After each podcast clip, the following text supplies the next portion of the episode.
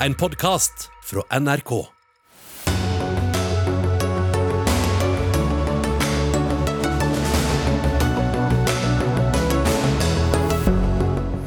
Regjeringen er handlingslammet i sin befatning med strømprisene, hevder finansredaktøren i Dagens Næringsliv.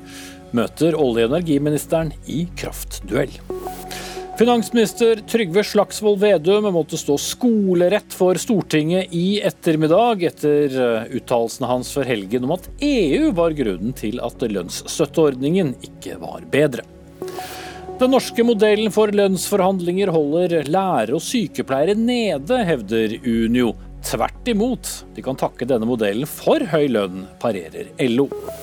Og må du møte opp i lakk og lær på sexklubb for å bli sexolog? Debatten går etter at student nektet å bli med på kinky studietur.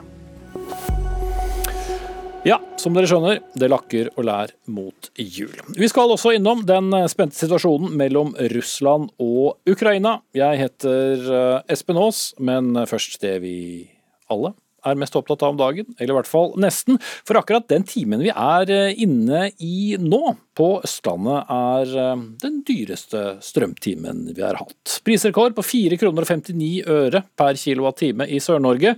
Men den slags rekorder faller som dominobrikker i disse dager. I morgen mellom 17 og 18 er det ny prisrekord, da med over 6 kroner per kilowattime. Det blir dyr matlaging, oppvarming eller dusj, det. Selv det å høre på dette utmerkede programmet kan koste noen kroner. Og da har vi ikke engang nevnt moms og linjeleie. Analytikere trekker stadig frem tørt vær som årsak til den kraftige prisstigningen, sammen med energikrise i Europa, høye kull- og gasspriser og skyhøye priser på CO2. Men Marte Mjøs Persen, olje- og energiminister i Arbeiderpartiet, vil det egentlig monne noe med denne strømordningen, etter hvert som vi bare ser prisene galoppere videre. Staten dekker altså 55% av regningen på det som er over 70 øre per kilowattime. Ja, og det er jo det som er fint med denne ordningen. fordi at den følger jo strømkundene. Uh, uansett hvor dyr prisen blir, så vil jo også uh, stønadsbeløpet bli uh, høyere. Og akkurat nå så er det sånn at i dag så har gjennomsnittsprisen for desember den er på 173 øre per kilowattime. Og det betyr altså at over 70 øre, så over en krone, så dekker vi halvparten av det.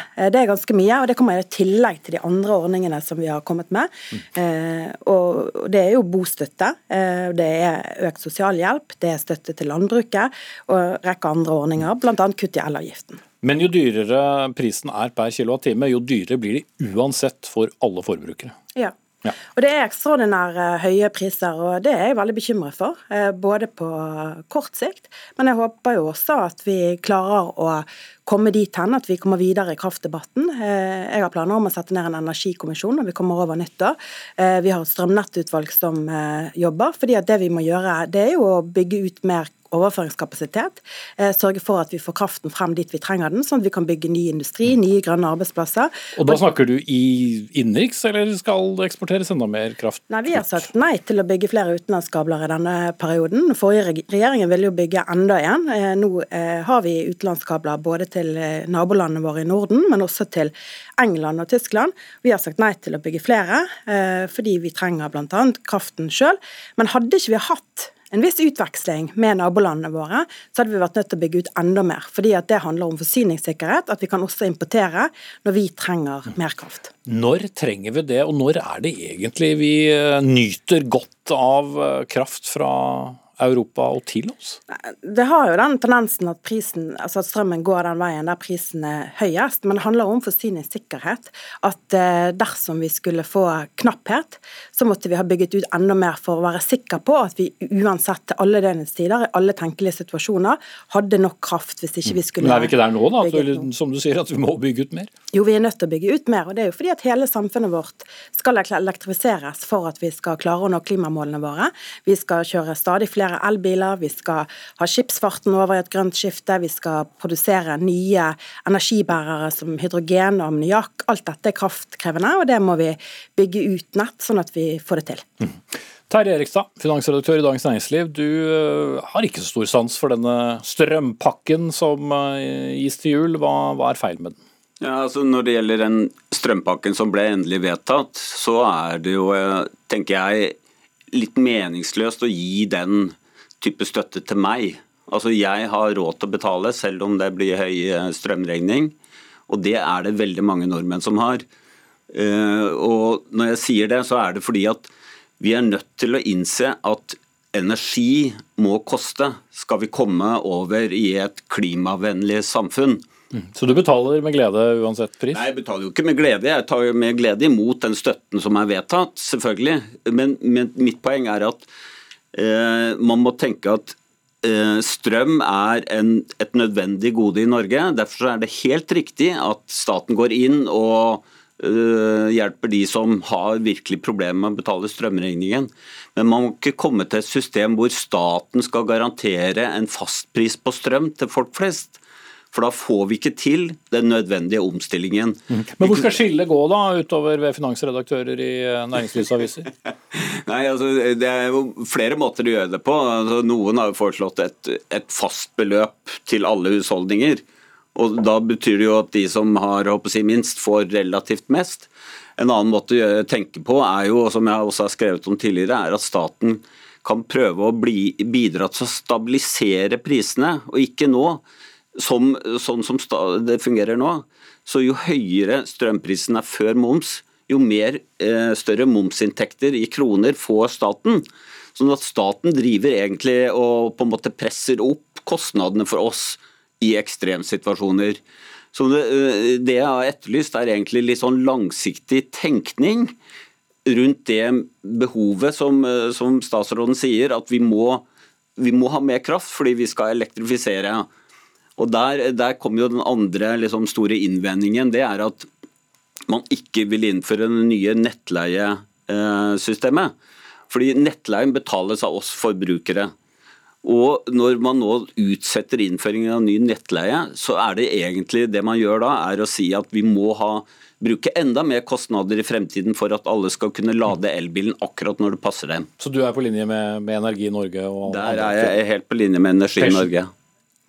Jeg tenker at vi er nødt til å ha to tanker i hodet på en gang. Og når vi har så ja, men når vi har så ekstraordinært høye strømpriser, så må vi hjelpe folk med å betale den regningen. Det er helt historisk høyt nå. Vi har eh, aldri før hatt så høye kraftpriser. Og selv om redaktøren ikke har bruk for støtten, så er det sånn at jeg har fått så mange henvendelser fra helt vanlige folk rundt omkring i hele landet som trenger den støtten. Så derfor så er vi nødt til å gjøre det. Men, okay, så, men, men denne handlingslammelsen da, som Erikstad skriver om i, i sin uh, kommentar, var det ingen som tenkte at vi kunne havne her noen gang? Ja, jeg har jo vært eh, ordfører i Bergen. Nei, altså jeg har vært ordfører i Bergen før jeg ble statsråd og kom på Stortinget. og Det som jeg har merket meg, da, er jo det at eh, når jeg snakker med bedrifter og næringsliv, så har man liksom gått ifra å ha to ønsker, nemlig godt utbygde veier på Vestlandet og eh, en aktiv næringspolitikk, til å ha tre ønsker, nemlig godt utbygde veier på Vestlandet, en aktiv næringspolitikk og bedre overføringskapasitet eh, på nettet, sånn at vi får strømmen frem dit vi trenger den. Eh, og Det er det stadig flere som har snakket om ganske lenge.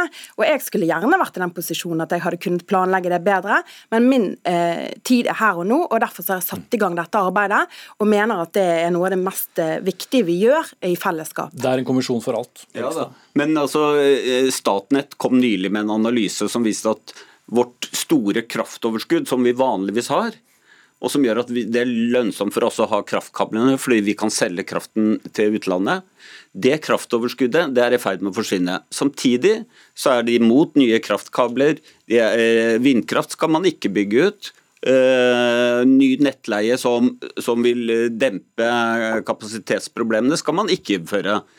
Man skal elektrifisere, men man skal ikke Eh, produsere den elektrisiteten vi trenger for å nå våre klimamål. og Det er det jeg mener er handlingslammelse. Ja, vi må, vi må ha det akutt eh, krisehjelp nå, men langsiktig tenkning må til. Jeg Hva er Columbege? Nei, altså jeg, jeg, hører her at, eh, at, man mener man er handlingslammet, men i Hurdalsplattformen i regjeringsplattformen, så har vi over 20 tiltak som handler om å eh, forsterke og forbedre kraftsituasjonen i Norge. som både handler om utbygging. Vi er for å bygge ut vindkraftverk så lenge det er godt lokalt forankret. Jeg mener at det er mulig å få til. Vi skal ha en stor, stor offensiv med satsing på havvind, som skal produsere mye. Vi er nødt til å ta på alvor energieffektivisering på en helt annen måte enn det vi er vant til i Norge. Men du var jo for den nettleien for inntil kort tid siden. Nå går det bort fra den? Ja, jeg mener fortsatt at effektbaserte tariffer er viktig, nettopp for å spre eh, forbruket, sånn at vi eh, slipper å bygge ut mer enn det som er nødvendig. Mm. Eh, det er viktig. Nå er den utsatt. Eh, og så har vi god dialog mm. med nettselskapene. Jeg forstår det som at du mente at det ikke var en så god idé å utsette den, som SV fikk dere til å gjøre? Altså, det som eh, er saken, er jo at eh, nettselskapene har anledning til å bruke den formen for effektbaserte tariffer allerede. Eh, det som er utsatt, er men, men du syns ikke det var noen god idé å utsette den? Det er jo også noen grunner til å gjøre det, bl.a. fordi at jeg mener at forbrukerne skal kunne være godt opplyste, kunne ta valg basert på fakta. Og jeg tror at når det ble sånn, så har vi i hvert fall anledning, før, før det blir satt i verk, til å gi bedre og god informasjon til forbrukerne, sånn at de vet hvordan de kan komme godt ut av en sånn ordning. Det kunne kommet et ja eller nei, men det gjør han ikke det. Martin Mjøs Persen, olje- og energiminister fra Arbeiderpartiet. Terje Erikstad, finansredaktør i Dagens Næringsliv, og som lever godt med strømmen. Takk skal dere ha, og mulig er det billigere å høre på oss enn å se på oss eh, i dag.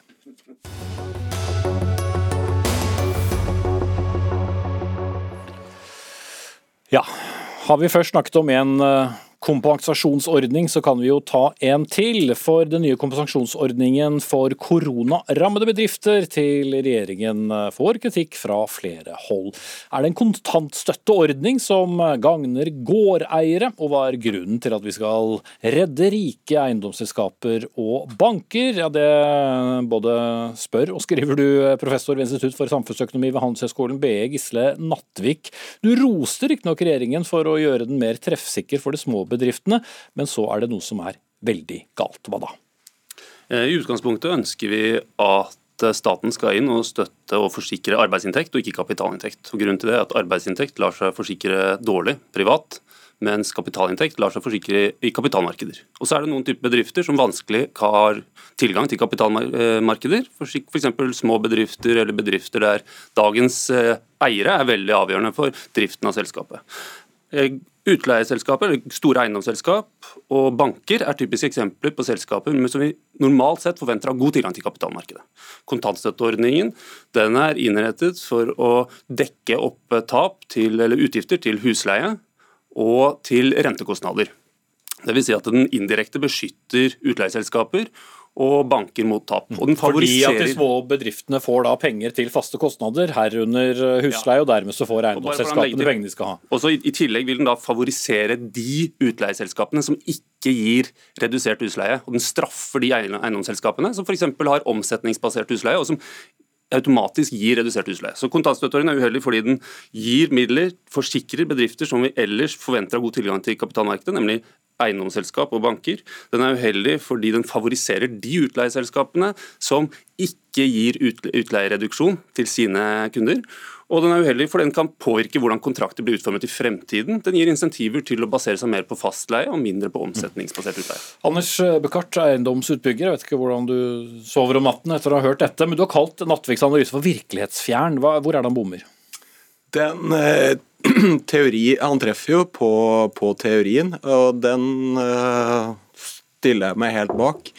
Jeg bare glemmer et helt essensielt uh, poeng, og det er at vi nå står i en situasjon der visse bransjer og virksomheter i praksis er stengt ned. Ikke fordi de driver ulovlig eller fordi at de har gjort Eh, feilsatsinger, eller fordi at det er en finanskrise, eller fordi at de har blitt utkonkurrert, men fordi at staten har sagt at nei, kundene deres får ikke lov å komme. Uh, og da holder ikke den uh, tradisjonelle økonomiske teorien lenger. Mm. Men de som driver med utleie, er vel de som kommer best ut av det? Er det den delen du mener er riktig i Nattvigs analyse? Fordi folk eller bedrifter får, eh, får dekket eh, husleien, og dermed så går det bra om du er utleier. Det jeg er enig med Nattvik i, det er at eh, bedrifter i utgangspunktet må klare seg selv. Men i den ekstremsituasjonen vi er i nå, hvor myndighetene har funnet ut at dette, den, denne pandemien må vi løse med visse tiltak, smitteverntiltak for å dempe den smitten, det er jo, jo, men Alle de tiltakene vet vi, men jeg skjønner ikke fortsatt helt hva du mener Nattvik bommer i sin analyse. Altså, Han har rett i at uh, de som leier ut næringslokaler, kommer godt ut av det. Og Men hvor, hvorfor skal noen utvalgte, deriblant gårdeiere, som leier ut til restauranter, eh, servering, reiseliv, hvorfor skal de ta en stor kostnad eh, pga. at eh, staten stenger ned deres virksomhet. Mm. Og er da ditt svar hvorfor ikke? Så Det er to dimensjoner her. Så jeg ble, uh, i, i, innlegget til Anders her, så skrev jeg at det føltes opplevd som vi driver med moralisme. og det, det, er ikke det vi ønsker bare for at det er helt klart. Uh, så det kan være politiske hensyn, en politisk prioritering om hvilken grad dette er noe ekstraordinært langs de linjene som Anders sa. Det er en politisk prioritering om man skal legge vekt på akkurat det med nedstenging, at det er noe sånn moralsk spesielt med det. Der kommer økonomifaget til kort, og det er ikke jeg, jeg er ikke noen moralfilosof, så jeg kan ikke noe om det. Men jeg kan som økonom si noen ja.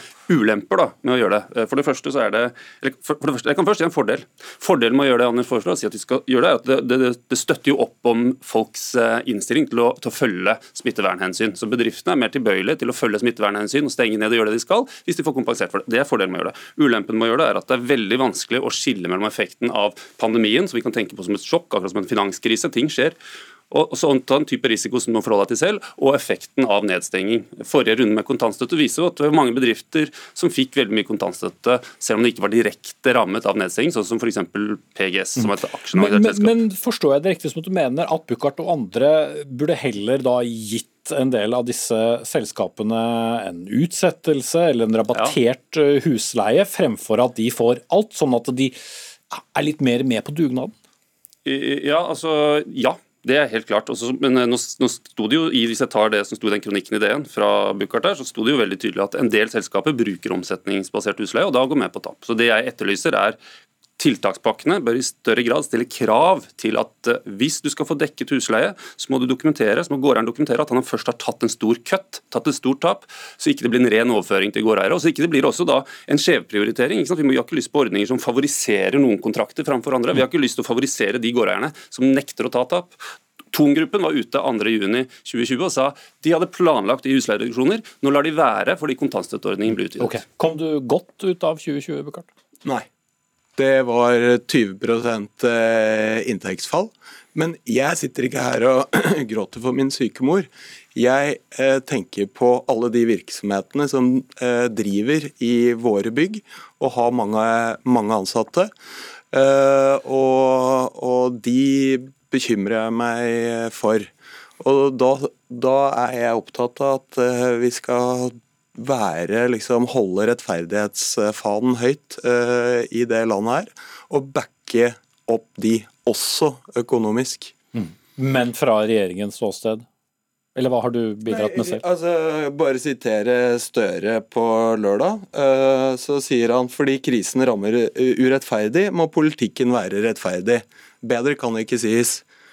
Problemet er bare Men det er mer rettferdig for noen, kan det virke som, eh, hvis vi skal høre på din motdebattant Nattvik her? Ja, men det er, det er der vi er eh, uenige. fordi at uh, Hvorfor skal en gårdeier som eh, har en dagligvarebutikk eller en bilbutikk eller kontorer i sine bygg, ikke være med i så fall på å ta noen husleiereduksjoner eller være med på, være med på dugnaden? Mens andre gårdeier som har restauranter og hotell og overnatting, skal ta en stor mm. Svar kort på det. Så, ja, det er et strålende eksempel. Så Hvis du har en gårdeier som har både en dagligvarehandel og en restaurant, så vil han jo tjene nå på dagligvarehandelen, for de gjør det jo bra når ting blir nedstengt. Så Hvis den husleie er omsetningsbasert, får han økt husleie da. Og Hvis han da får dekket også tapet fra den andre parten, nemlig restauranten, så vil jo gårdeieren gå i pluss fordi restauranten blir nedstengt. Så Det, det er det som er poenget. Det, hvis du har investorer med diversifiserte porteføljer som bruker kapitalmarkedet, så er det ikke opplagt hvordan vi skal utforme disse ordningene på en måte som hva skal vi si, er eh, har en god fordelingsprofil, eller som treffer de, akkurat de, kun de bedriftene som er nedstengt. Det blir fort sånn at det får sideeffekter. Ja, sikkert er det i hvert fall at uh, ingen av disse ordningene ser ut til å, å, treffe helt, og noen kommer litt bedre og noen kommer litt dårligere ut. Jeg kan ikke bruke mer tid på hva som fungerer og ikke med denne ordningen nå, men takker dere av Anders Buchardt, eiendomsinvestor og utbygger, og Gisle Natvik, professor ved Institutt for samfunnsøkonomi ved Handelshøyskolen BI.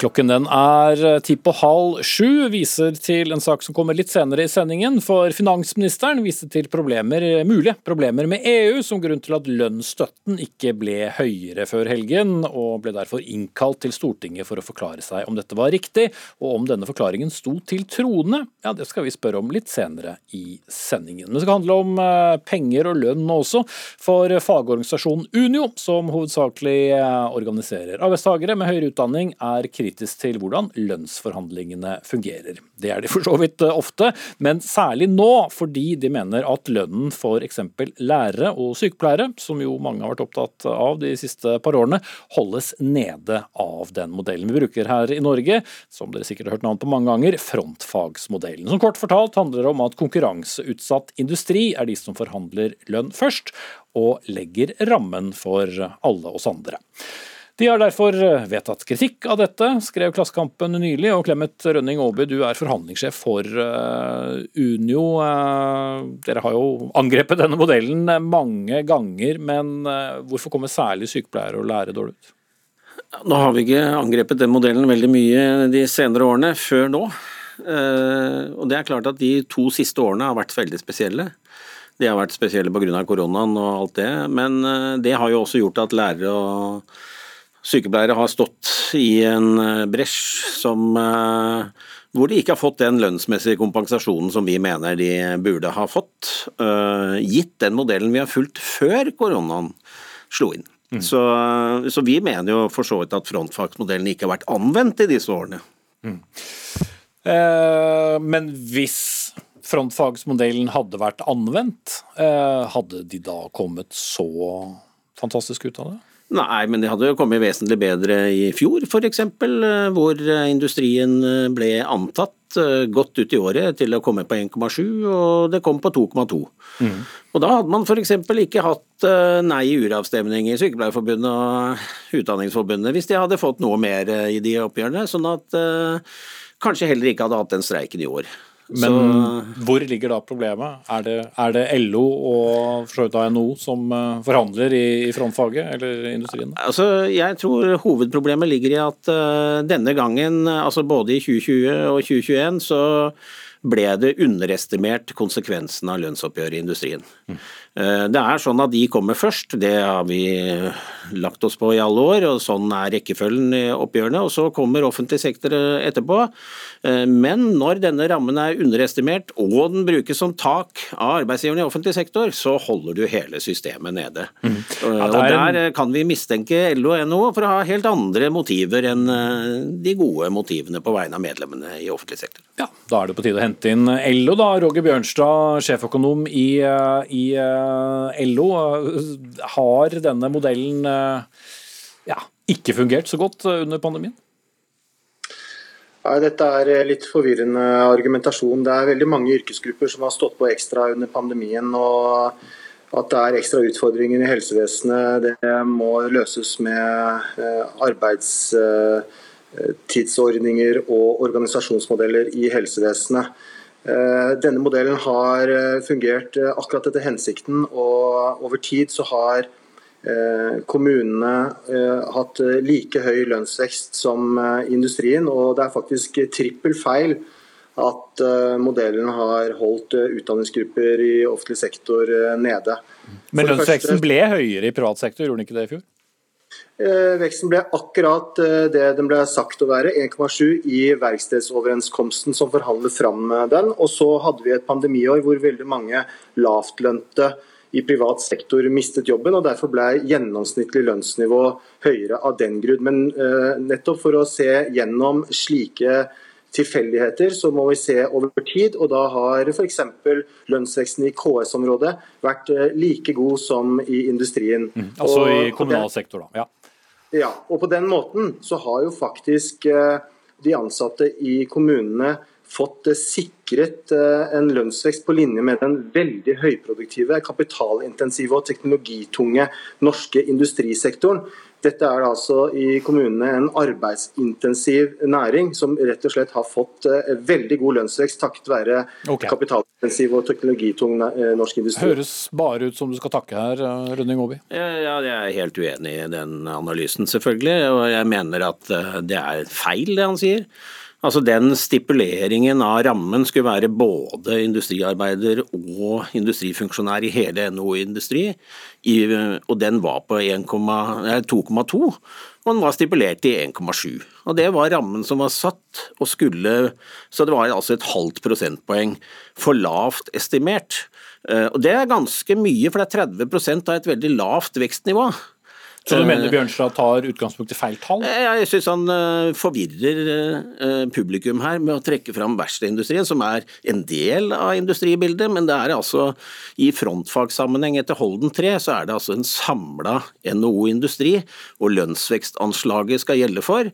Og de tallene er direkte henta ut av tabellen i TBU-rapporten, som Roger Bjørnstad kjenner Er det mye å følge med på? Teknisk beregningsutvalg er de som da måler hvordan lønnsbøret ble i etterkant. Men svar på denne kritikken eh, direkte, Bjørnstad. Ja, altså Vi er jo helt enige i at hele industrien skal være retningsgivende, men han kan da umulig arrestere oss for å ta feil i anslaget.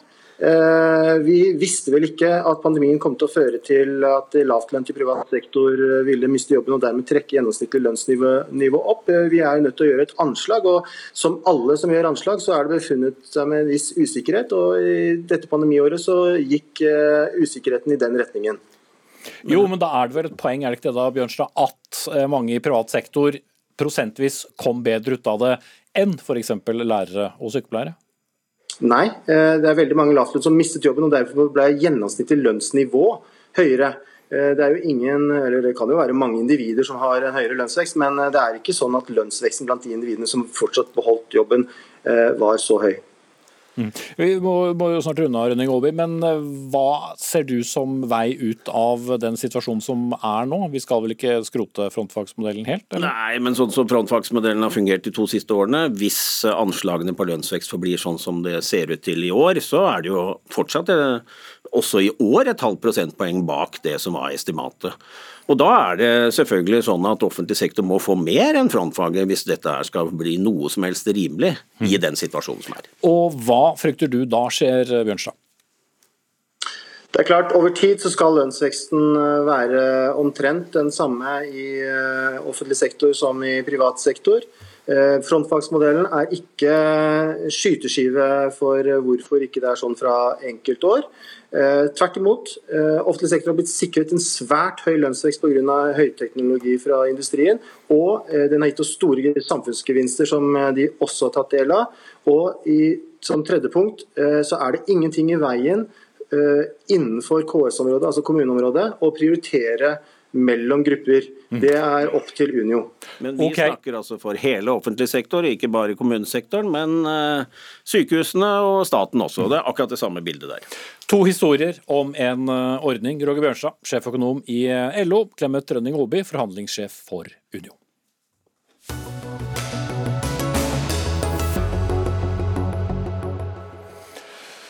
Samtidig som eh, tallet på antall permitterte stiger og meningene rundt kompensasjonsordningene stadig er delte, måtte finansminister Trygve Slagsvold Vedum fra Senterpartiet møte i Stortinget i ettermiddag for å forklare hvordan han på fredag uttalte at det var grunnet EUs reglement at lønnsstøtteordningen ikke kunne være bedre. Og en som ikke kjøpte denne ordningen var deg, Sylvi Listhaug, leder av Fremskrittspartiet, og ba derfor Vedum komme til eh, Stortinget. Nå ja, nå forklarte han seg. Han kunne ikke komme hit eh, til studio, fordi det hadde han ikke anledning til, sa han. Men fikk du den forklaringen du trengte? Fikk i hvert fall en grundigere redegjørelse for eh, ja, EØS-avtalen og mulighetene vi har innenfor den til å utarbeide en sånn lønnsstøtteordning. Og Det var jo problemet når han var på fredag, at det ble veldig omtrentlig. og Det var etter etterlatt et inntrykk av at man her hadde brukt eh, det handlingsrommet som var. Men han var- ville være konservativ eh, og ikke, ikke gå for langt, sa han i Stortinget i ettermiddag. Ja. Og det, har du forståelse for det i en tid hvor eh, det går en kule varmt? Nei, fordi at vi snakker nå om bransjer som eh, på mange måter blir nedstengt, eller i hvert fall tilnærmet lik for tredje gang. Og vi snakker veldig mye om dugnad i denne pandemien, men sannheten er at det er de samme igjen og igjen som blir knallhardt ramma. Men hvis vi er holder oss til, til hva Vedum har gjort galt eh, eller ikke, har han feilinformert? Altså, Vi mener i hvert fall at han ga et inntrykk av på fredag at regjeringa hadde brukt det handlingsrommet som var i EØS-avtalen. Og vi ser jo også at både Virke og NHO også i sine samtaler i Finansdepartementet hadde det inntrykket. Mm. Så ble vi jo da interessert når vi så ESA var ute på banen og uttalte seg, som sa at her var det langt større handlingsrom enn det det var gitt uttrykk for. Og nå har jo også denne lønnskompensasjonen økt eh, en god del. Det ble klart nå i dag, fra 30 til 40 eh, 000 kroner. Så nå er alle glad og fornøyd over finansministeren, eller? Eh, Det som er litt av hovedutfordringa, er jo at det ser ut til at denne regelen om at enten må du permittere alle eller ingen, står videre. Og da er det klart at vi kan komme i en situasjon der langt flere blir permittert enn det man hadde trengt. Nettopp fordi at noen bedrifter kunne kanskje hatt noen tilbake Men, på jobb. men, det, men det er ordningen. Men, men hva finansministeren har sagt eh, og ment, eh, er han nå på, på trygg grunn, da, sett fra deg som eh, leder av et opposisjonsparti? Ja, altså Det er jo enda mer å gå på i den ordninga, og det var jo også da ESA kom Jo, jo, men finansministeren, altså, og hvorvidt han feilinformerte eller ga feil inntrykk, er den saken sjekket ut fra Ja, altså opposisjonens det, side? det, altså det er i hvert fall brakt på det rene at det inntrykket han skapte ikke var riktig. Og så har vi et behov for å gå litt etter nå den korrespondansen som har vært mellom ESA og departementet. For det det handler om er jo at det er tusenvis av personer der ute nå som er innmari bekymra for at, om de blir permittert eh, fram til jul. Og det er klart at Vi er nå i en veldig vanskelig situasjon for mange. For dette kommer jo på toppen av skyhøye strømpriser, matvarepriser, Ja, som det- vi- økende rente. Det, det er igjen en annen, Men- annen diskusjon, men Ja, altså men tilliten til han som nå er øverste politisk ansvarlig for å legge frem eh, disse eh, økonomiske pakkene, er den eh, tilbake der den, den var. Så skal jo ikke den være skyhøy hos en opposisjonspolitiker uansett. Nei, men vi må jo kunne forvente at det som blir framført i Stortinget er riktig, og, og at man ikke gir inntrykk av noe som ikke stemmer. og Det var det som var problemet på fredag. og Vi fikk et inntrykk av at her hadde man liksom brukt maks av det handlingsrommet som var, og det viste seg ikke å, å stemme. Men som men sagt ingen eh, beklagelse, du trenger ikke noen beklagelse. Altså Det vi vil nå er bare å gå eh, inn og se nærmere på den korrespondansen som har vært mellom ESA og departementet. eh, For det er klart at det, det er jo viktig at eh, man, man eh, ja, gi muligheten for Stortinget til å utnytte det handlingsrommet fullt ut som ligger der, og ikke prøve å skyve det foran seg for å spare penger, som vi av og til opplever kanskje at Finansdepartementet gjør. Ok, da har vi fått den forklaringen. Takk skal du ha, Sylvi Listhaug, leder av Fremskrittspartiet. Og finansministeren hadde altså ikke mulighet til å stille, ifølge hans eh, eget eh, departement. Så derfor det skylder seg selv, da, så inviterer vi noen kommentatorer uh, i stedet. For det å feilinformere Storting er den største synden en statsråd kan gjøre. Det er jo flere tidligere statsråder som vet eh, det, og er feilen grov nok, så, så står eh, statsrådjobben på spill. Men eh, hvorfor skjer det likevel? Hilde Øvrebekk, kommentator i Stavanger Aftenblad. Ja, jeg har skrevet at oppsiktsvekkende at han, han da gikk ut så hardt mot ESA, og eh, at han hevda da at ESA eh, var Han hadde nærmest snakket med de, mens det viser seg at ESA da egentlig eh, eh, ikke eh, står for noe av det som regjeringen la fram i det hele tatt. Eh, det, hadde jo da ifølge ESA selv ikke vært eh, noen eh, hindringer i å øke den ordningen. Så det virker jo veldig rart at han eh, eh, samtidig som han påstår at han har diskutert dette med ESA, eh, legger skylden på, EU-regelverket for at eh, regjeringen da ikke kan gi mer penger. Kjetil B. Alsheim, politisk kommentator i eh, Aftenposten. Eh, Hvordan eh, vurderer du eh, Vedum versjon fredag og Vedum versjon mandag? Den store forskjellen er at eh, Vedum versjon eh, mandag holdt seg til manus. og veldig nøye til manus. Jeg har sjelden sett Vedum holde seg så nøye til noe manus noen gang. Eh, fordi Det han har gjort i høst etter at han ble statsråd, er å ta med seg den litt omtrentlige stilen som han har lykkes godt med som opposisjonspolitiker, men som ikke ikke alltid går så bra når du er statsråd og må være presis i hvordan du informerer Stortinget. Mm. Men hvor alvorlig var det å hevde det han hevdet på fredag? Det Eh, det kan jo fremstå nå som litt sånn eh, at man driver og filer frem og tilbake på ordet og sånt, sånne ting, men det inntrykket han skapte på fredag, også i det intervjuet i Dagsrevyen eh, her i NRK på lørdag, var at de hadde gått så langt det var mulig å gå. Og så viste det seg gjennom den runden i helgen at det var mulig å gå lenger. Og dette er jo ordentlige penger, konkrete beløp, som går ut til bedrifter som nå sliter. Så, sånn sett har jo den runden hatt ganske mye å si. Mm. Og det at uh, Hvis det inntrykket Vedum skapte på fredag hadde blitt stående, så hadde jo den lønnsstøtteordningen blitt mindre raus enn den nå blir. Kan da Hilde Øverbekk, eh, storting og, andre føle seg trygg på at uh, finansministeren husker hvordan man er ansvarlig statsråd, og dermed har lagt alle kort på bordet?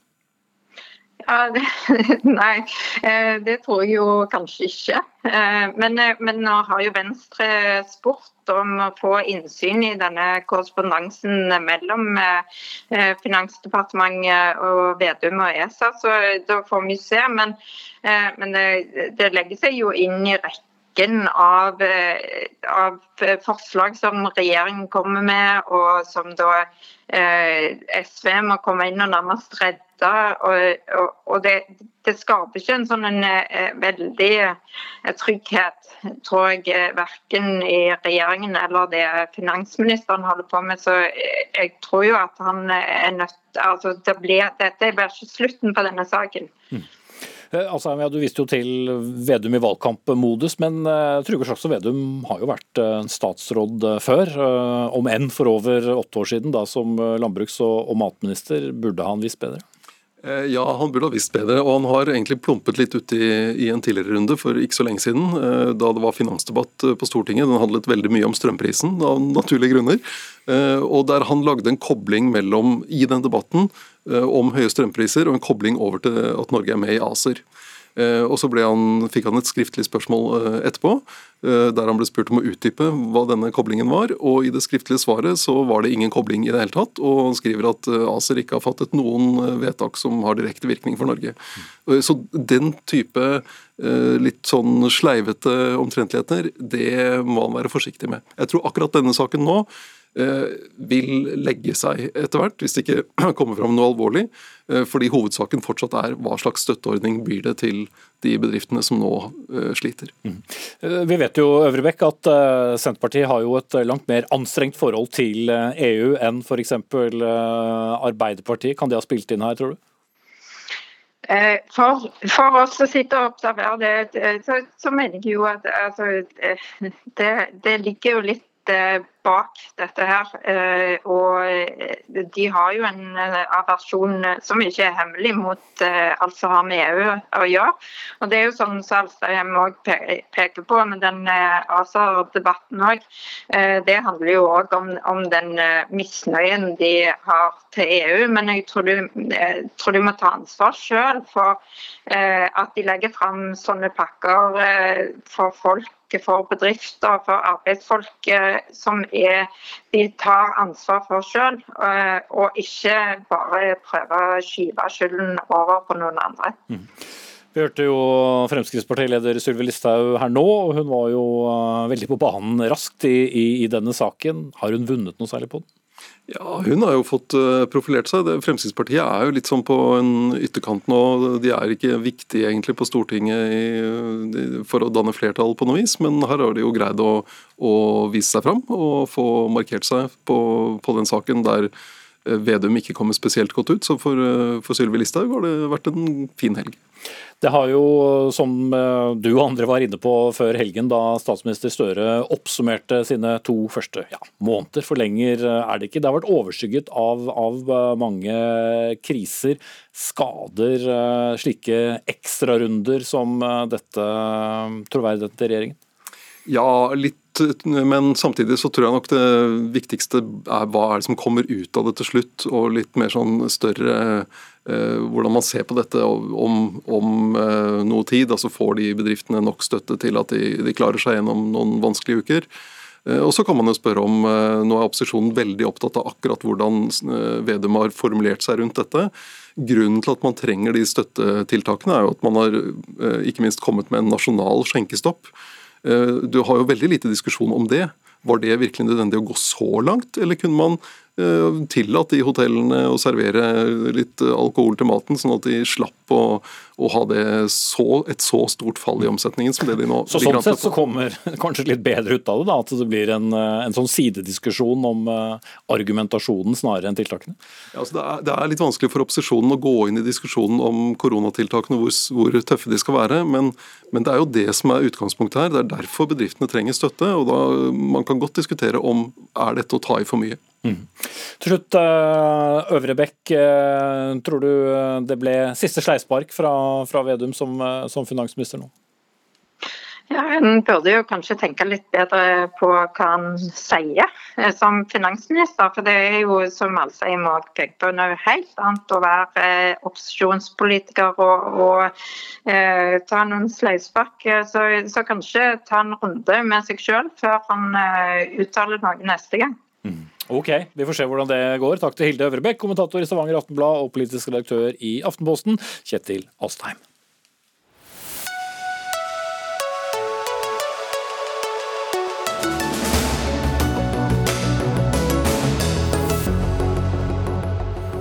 Og da går vi over en del av sendingen hvor vi knapt kommer til å nevne korona. Vi skal utenriks. Og Vi skal til den eh, stadig spente situasjonen mellom Ukraina og Russland. For mens eh, Russlands president Vladimir Putin stadig trapper opp sin militære aktivitet langs grensen, frykter andre at det er forberedelse til en invasjon som pågår. Den sikkerhetspolitiske situasjonen i Europa har ikke vært mer alvorlig siden muren falt i 1989, sa statsminister Jonas Gahr Støre før helgen. Og Julie Wilhelmsen, seniorforsker ved NUPI, det er jo en noe uoversiktlig situasjon situasjon. Eh, hvorfor skjer det som skjer, og hvor mye vet vi egentlig? Nei, akkurat uh, hvorvidt det, vi står foran en invasjon eller ikke, det, det vet vi ikke. Men jeg syns egentlig ikke situasjonen er så uoversiktlig. Det som ser, er ganske klart for meg, er at Russland veldig lenge har vært opptatt av at Nato ikke må krype nærmere deres grenser. Uh, I tillegg så er de også veldig opptatt av at det ikke skal være vestlige militære installasjoner nærmere deres grenser, altså uavhengig av om landet det skjer i er eh, et Nato-land eh, eller ikke. og Det er en kritikk og et krav på en måte som har blitt reist over veldig veldig lang tid, egentlig. Men spesielt siden krigen i Ukraina og Russlands annektering av Krim i 2014. Og det som har skjedd det siste Eh, året, er at Russland på en måte har markert at nå har vi sagt dette så mange ganger, dere tar ikke hensyn til det. Mm. Men Da er det kanskje ikke overraskende at ordlyden forsterkes nå? Nei, og, og, og, og, da er dette deres måte å si at hvis ikke dere vil lytte til oss, så, eh, så kommer vi til å bytte ut eh, Lavrovs røst, som altså er den russiske utenriksministeren, med Sjojgos røst, som er eh, forsvarsministeren, har de, har de, har de sagt. Så det, det, det, er slik jeg tolker det som skjer. Altså ikke slik som noen fremstiller det, som en ensidig hva skal jeg si, russisk ekspansjon ekspansjon som nødvendigvis må krype inn i Ukraina. Det er rett og slett dette store spillet som dreier seg om Russland mot Vesten og Nato, som er det som, som driver Mm. posisjonering. Og så sier selvfølgelig Natos generalsekretær Stoltenberg har jo sagt helt tydelig at eh, dette har ikke Russland noe med, hvorvidt eh, eh, det er et militært nærvær i Ukraina eller ikke. Det, det er det bare Nato og Ukraina som, som, bestemmer. Men da burde han jo visst omvendt. Hvis, eh, ja, altså hvis, hvis man skifter sider ved bordet, så ville jo Nato reagert tilbake. Det er, det er, akkurat det som skjer. Mm. Olga Sjamsjor Flydal, seniorrådgiver i Helsingforskomiteen. Du kjenner begge land godt, halvt russisk, halvt uh, ukrainsk. Men du følger da disse landene tett gjennom ditt arbeid i Helsingforskomiteen. Forstår uh, Nato overhodet Russlands side her, når de kommenterer den? Jeg hører Julie si at Russland har sagt det så mange ganger, og at nå vil de vise det. Men vi i Helsingforskomiteen vi er en menneskerettighetsorganisasjon, og vi vil veldig gjerne fortsette å ha verdensorden basert på folkeretten. Og folkeretten er jo både grunnlag for og rettsnor i vårt arbeid. Og Russland har brutt folkeretten ved å annektere og så føre krigshandlinger i Øst-Ukraina. Mm. Og Det er jo resultatet av det vi ser nå, denne tilspissingen. Men er det noen vei ut av det, da? Uh, Helseforskningskomiteen mener jo at uh, avspenning av situasjonen og diplomati og dialog er uh, veien ut av dette. Det finnes ingen militær løsning på denne konflikten. Russland er en av de største militærmaktene, og Ukraina står ikke en sjanse, egentlig, ved en direkte invasjon. Eh, men det som er forskjellig nå i denne situasjonen, er jo at Ukraina er allerede i krig med Russland og har vært det i eh, syv og et halvt år. Men det er gjennom uh, å krige med disse to opprørsrepublikkene, som er LNR og DNR, de russiskstøttede republikker. Mm. Men Wilhelmsen, vi vet jo skal, skal det gå motsatt vei, så, så, må noen på en måte ta initiativet. Uh, og... Ja, det er, det er, litt det som er problemet. Jeg er helt enig med Olga at selvfølgelig er det slik at statenes suverenitet og folkeretten er veldig viktige eh, prinsipper. og Det er jo nettopp det eh, f.eks. Jens Stoltenberg henviser til når han sier at vi kan ikke lytte til eller vi kan ikke gå inn i noe, noe kompromiss med, eh, med, Russland. Men de av oss som sitter og ser på det storpolitiske spillet her, vi er jo litt redde for at det faktisk kan komme til en krig. Og, og, er ikke det kanskje vel så viktig i denne situasjonen, å unngå, uh, unngå en krig? Mm. Men, men, hva slags krig snakker du om da? Ville Nato stå og se på? Hvis, hvis Russland da ja, skulle gå til en invasjon? Ja, Det er jo det som er del av eh, problemet her. At eh, Nato fortsetter å si at eh, Ukraina kommer til å få et Nato-medlemskap, og at man på en måte eh, bevæpner eh, Kiev lite grann eh, etter hvert. Men samtidig så er det et, et slags falskt løfte. For det er i realiteten ikke slik at Nato-landene kom til å stå last og brast med Kiev hvis eh, Russland virkelig skulle eh, invadere. Mm. Men det er helt klart at, at, eh, at Russland, altså tonen fra Kreml er utrolig mye mer heftig nå enn bare for et år, et år siden. Og jeg, jeg, kan se for meg, når de nå har lagt fram De har jo lagt fram et forslag om, eh, eller et krav om at Vesten må gi Russland sikkerhetsgarantier om at Ukraina ikke skal bli medlem av Nato. Mm. Og Det tror jeg de kommer til å pushe videre på, og jeg er redd for hva som kan skje hvis Nato ikke, eh, og USA går inn i en, en, diskusjon om dette. Det som jo er, bare legge til én ting, som, som, er veldig annerledes også, det er at Biden-administrasjonen eh, etter det siste toppmøtet, eller samtalen nå for ti dager siden, faktisk ser ut som de kanskje, i motsetning til det Stoltenberg har gitt uttrykk for, tror at det er viktig å gå inn i en sånn reell type samtale med Russland om hva man eventuelt kunne gi dem. da. Er det noen forsiktig optimisme å kunne spore her, Flyda? Um, ikke som jeg registrerer uh, akkurat nå, men uh, Julie, det du sier om garantier som Russland krever Men det er ikke bare disse garantier de krever, de krever ganske så veldig mye mer. Uh, Bl.a. Tilbaketrekking av Nato-baser i de landene som ble medlemmer etter 1997, og ikke militærøvelse i land som grenser Eh, mot Russland, som da vil også inkludere Norge. Eh, og det er jo fremmet i disse to eh, nye utkastene til sikkerhetspolitiske avtaler med henholdsvis EU og Nato sist fredag. Mm. Og det som, det som er interessant Eh, er jo at eh, det, det, bildet her er også mye mye større enn det. Og jeg er i og for seg enig, at det ikke er Ukraina som er egentlig eh, målet her. Det er bare et mellomledd i det større politiske bildet hvor, hvor Russland prøver rett og slett å endre på det sikkerhetspolitiske arkitekturen vi har hatt i Europa i 30 år. Det er eh, mange øyne som eh, følger med, i hvert fall. Takk til Olga Shamsjur Flydal, seniorrådgiver i Helsingforskomiteen, og Julie Wilhelmsen, seniorforsker ved Norsk utenrikspolitiske institutt.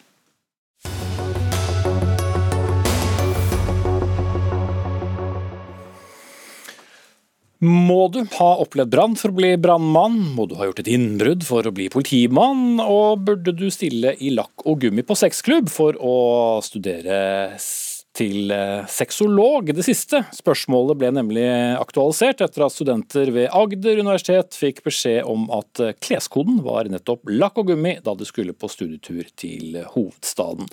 Flere studenter reagerte og valgte å droppe turen pga. oppfordringen som de opplevde som eh, det de kalte grenseoverskrivende og ekskluderende. Men såpass må man tåle når man skal bli sexolog, hevder du Bente Treen, professor i psykologi og også seksualforsker. Må man være på innsiden?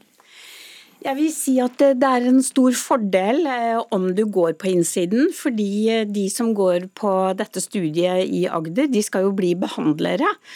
Og hvis du skal bli behandler, så bør du jo kjenne til eh, hvordan det er å, å, møte den gruppa klientene dine tilhører. Eh, og det er også en annen ting som er viktig, og det er at man blir kjent med sine egne fordommer og begrensninger. Fordi det overføres i en behandlingssituasjon lett til den du forsøker å hjelpe, og da er det ikke så veldig mye hjelp i. Mm. Og dette kan man ikke lese seg til? Nei, det kan du ikke lese deg til. Eh, du er nødt til å konfronteres for å, å kjenne på hvordan kjennes det ut å, å, være i en sånn setting. Nå var jo dette frivillig, eh, så det var jo ingen som tvang noen til noe. Eh, men jeg vil jo si at eh, det er også eh, spennende på den måten at det utfordrer jo nysgjerrigheten. Og er det noe i hvert fall jeg forsøker å si til mine studenter, så er det jo du må være nysgjerrig og du må, du må ha kunnskap, og så må du forsøke å hoppe ut i det. Mm. Men uh, lakk og lær og hang til det, er det en viktig del av nordmenns seksualitet? Ja, altså eh, Ca. én av tre nordmenn har en, en, type interesse for ulike BDSM-aktiviteter. Og Det er jo egentlig et ganske høyt tall. Eh, og Det er en av de store endringene jeg tror vi ser i forhold til seksuallivet vårt de siste 30 årene. Og du kan jo også se det, det er jo ikke bare på, på lakk- og lærklubber dette foregår, men det er jo også i musikkvideoer, og jeg tror bøker som Fifty Shades of Grey og filmen Fifty Shades Shades of Grey har i stor grad bidratt til at man er interessert. Vi er litt, litt røffere enn før. Tonje Kristin Jensen, jordmor og sexologistudent ved Universitetet i Agder på, på dette faget. Du, du, droppet altså denne turen fordi du følte det var, var, krenkende. Har du da vanskeligere med å tilnærme deg uh, faget? Nei, det føler jeg absolutt ikke. Eh, jeg er helt enig i at det er en viktig del eh, både å kjenne til og kanskje også ha utforska de miljøene. Eh, men jeg mener at det er stor forskjell på om disse representanter for miljøene deltar i undervisning, om man går på en klubb hvor det er frivillig kleskode, og det at skolen legger dette til et, et møtested hvor det er obligatorisk kleskode. Mm. Eh, man kan helt fint eh, delta i disse treffene uten å måtte kle seg i erotiske klær. Men eh, hva, hva ble for mye for din del, da? Det var at det ble sagt at det var svært viktig at man hadde på seg denne kleskoden. Og at det ikke, ut fra det som sto i informasjonsskrivet som ble presentert, rom for at man kan forhandle frem et mer naturlig plagg. Altså at man kan gå i mørke klær eller jeans f.eks. Mm. Og da ville det vært annerledes for deg? Det ville det absolutt vært. Og jeg er som sagt helt enig i at det er veldig viktig at man får god kjennskap til disse miljøene. Eh, også om nødvendig gjennom aktiv, at man observerer de, men ikke gjennom aktiv deltakelse i seksuelle plagg som eh, for mange ikke vil være naturlig å gå i mm. offentlig. Anders Johan Wikstrøm Andersen, du er da dekan ved helse- og idrettsvitenskap ved Universitetet i, i Agder, som sto bak denne turen. Ja, hvor viktig var det når det var eh, frivillig? Hvor viktig er det for studenter å oppsøke slike miljøer? Nei, altså Først og fremst tenkte jeg ville si at uh, det er viktig for universitetet å skape tilstrekkelig trygge og ivaretagende læringsmiljø for, uh, for alle studenter, egentlig. Um, først og fremst vil du svare på noe jeg ikke hadde spurt om, si. Men, ja, men hva, hva, hvor viktig var det? Hva er altså spørsmålet? I det så er det heller ikke verre tilby studier som er seksuelt og, og, grenseoverskridende. Det ønsker vi på ingen som helst måte å gjøre. Derfor er det for så vidt noe bekymringsfullt som, som studentene her tar opp.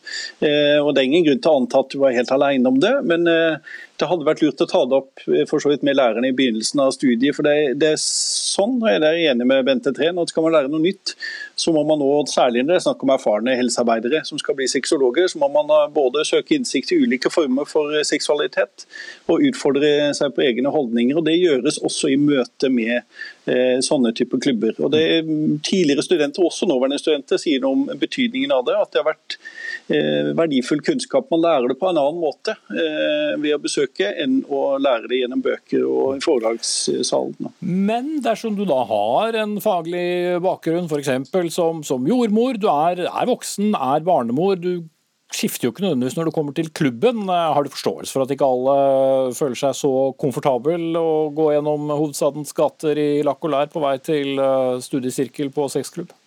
Har forståelse for det. Og så er det noe med å se på hvilke studier er det de har søkt seg inn på og begynt på.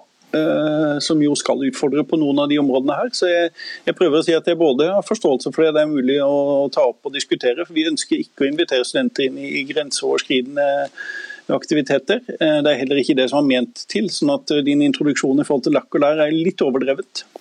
Det har hendt at en introduksjon har blitt spisset i et radiostudio. Jeg skal være åpen på det. Men, men Jensen, burde du sett hva som kom da du søkte deg til studiet? Eh, nei, det syns jeg ikke. Eh, jeg føler sexologi er et veldig bredt fag, hvor fetisjisme og BDSM er en del av det spekteret.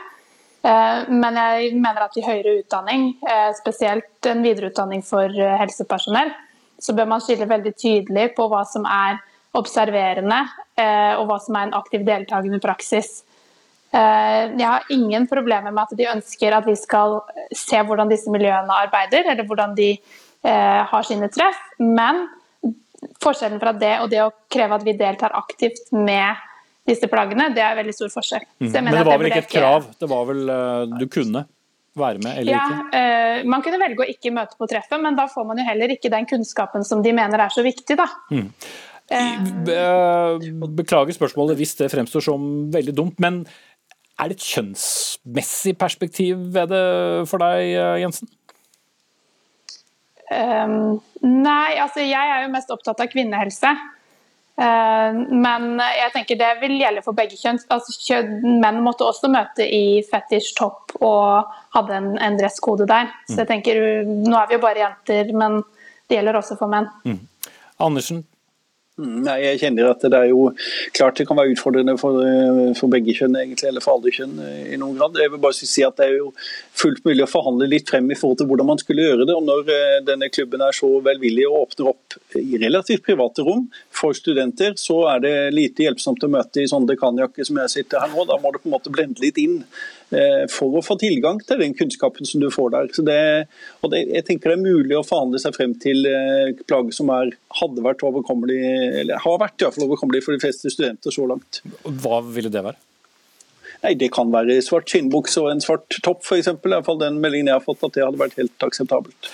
Eh, Bente Treen, er det forskjell, en, en kjønnsrollemessig forskjell når det kommer til BDSM eller akkulær? Eh, I dataene så ser vi ikke noen eh, forskjell mellom kjønn i interesse, for å si det sånn. Men det er klart at eh, i tradisjonell BDSM så er det vanligst at mannen tar den dominante rollen og kvinnen den underkastende rollen. Samtidig så, så tenker jeg jo også at det er en ganske morsom analyse av kjønnsroller. Altså, det hadde vært veldig morsomt å snu disse rollene på hodet. Og la hun ta en dominant rolle og han ta en underkastelsesrolle. Og Det er det jo også veldig mange menn som ønsker seg. Nå spør deg veldig kort til slutt, Anders Johan Vikstrøm Andersen, blir eh, dette studiet, denne utflukten tilbudt uh, igjen? Ja eller nei? Det er for så vidt en tur vi har holdt på med i 20 år, eh, og tilbakemeldingen fra tidligere studenter har vært utmerkede. så jeg ville tro, Men i tilbakemeldingen her må vi ta opp til diskusjon. så Det er et ønske fra min side at vi tar det opp med lærerne og får diskutert det. Det er veldig lurt, egentlig. Ok, Ikke sikkert at dere lakker med den neste år. Takk skal dere ha, Anders Johan Vikstrøm Andersen, Bente Treen og Tonje Kristin Jensen. Vi er ved veis ende her. Gro Arneberg var ansvarlig for sendingen. Lisbeth Sellereite tok seg av det tekniske. Jeg heter Espen Aas.